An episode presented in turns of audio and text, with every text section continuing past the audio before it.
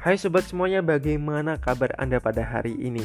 Bersama saya Wahyu Yoga Pertama, di podcast kali ini kita bakal membahas tentang tips manajemen waktu khusus mahasiswa. Ada salah satu pertanyaan yang sering ditanyakan saat webinar tentang manajemen waktu. Kak, saya mencoba untuk aktif saat kuliah dengan berorganisasi dan sedikit berbisnis.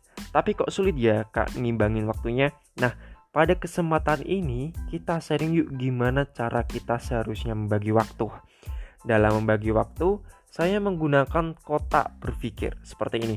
Well, ini cukup membantu saya dulu ketika uh, saya memulai dari sebuah organisasi, kemudian sekarang saya sedang uh, apa namanya melakukan studi di salah satu kampus untuk mengatur antara akademik, organisasi, pertemanan, dan keluarga.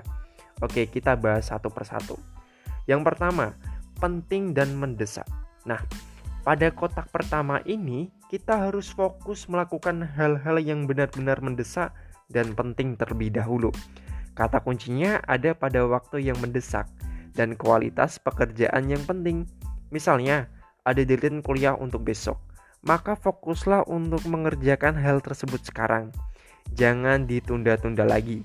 Kalau pacar ngambek ngajak jalan, biarin. Ingat fokus. Yang kedua, penting tidak mendesak. Nah, setelah pekerjaan di kotak pertama selesai, mulailah untuk menyicil pekerjaan di kotak kedua. Penting tapi tidak mendesak. Misalnya apa? Belajar karya tulis ilmiah lewat YouTube atau ingin belajar public speaking bareng teman. Well, penting sih itu semua, tapi kan bisa ditunda pelaksanaannya kita boleh mengerjakan pekerjaan di kotak ini kalau pekerjaan kita di kotak pertama selesai. Yang ketiga, mendesak tapi nggak penting. Oke, katakanlah kita sudah selesai mengerjakan tanggung jawab di kotak pertama dan kedua. Lalu apa? Yes, saatnya mengerjakan yang mendesak tapi nggak penting-penting amat.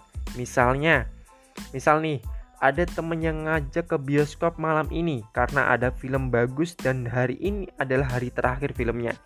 Pada kondisi-kondisi yang serupa, kita boleh kok melakukannya, tapi kalau udah selesai kotak satu dan dua. Kalau belum selesai, saran saya jangan dulu. Yang keempat, gak mendesak dan gak penting. Nah, ini nih yang nampaknya paling sering dilakukan anak muda sekarang ngerjain sesuatu yang gak mendesak dan gak penting. Contohnya apa? Misal nih, ada temen ngajak ke pantai tiba-tiba atau ngajak nongkrong yang gak ada tujuannya. Kalau saya sih pasti saya tolak karena akan mengganggu jadwal yang seharusnya saya kerjakan di hari itu, tapi tentu saja kita boleh melakukannya. Namun ingat, kotak 1, 2, dan 3 harus selesai dulu. Nah, cara berpikir di atas bisa teman-teman adaptasikan sesuai kebutuhan teman-teman. Kapan harus mengerjakan tugas, kapan harus aktif organisasi, kapan harus memulai bisnis, waktu bareng teman hingga keluarga.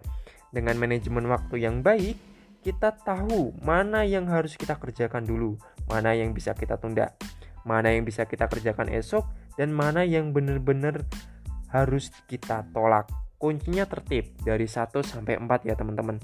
Jangan sebaliknya. Oke, gitu teman-teman podcast uh, Wahyu juga Pratama pada hari ini. Semoga bisa memberikan inspirasi buat teman-teman semuanya dan bisa memberikan berpikir secara luas bagi teman-teman semuanya dalam memanajemen waktu, khususnya yang lagi sedang kuliah. Semangat dan jangan lupa buat menjaga protokol kesehatan ya teman-teman karena kesehatan Anda sangat penting sekali. Baik teman-teman, segitu saja yang dapat saya sampaikan.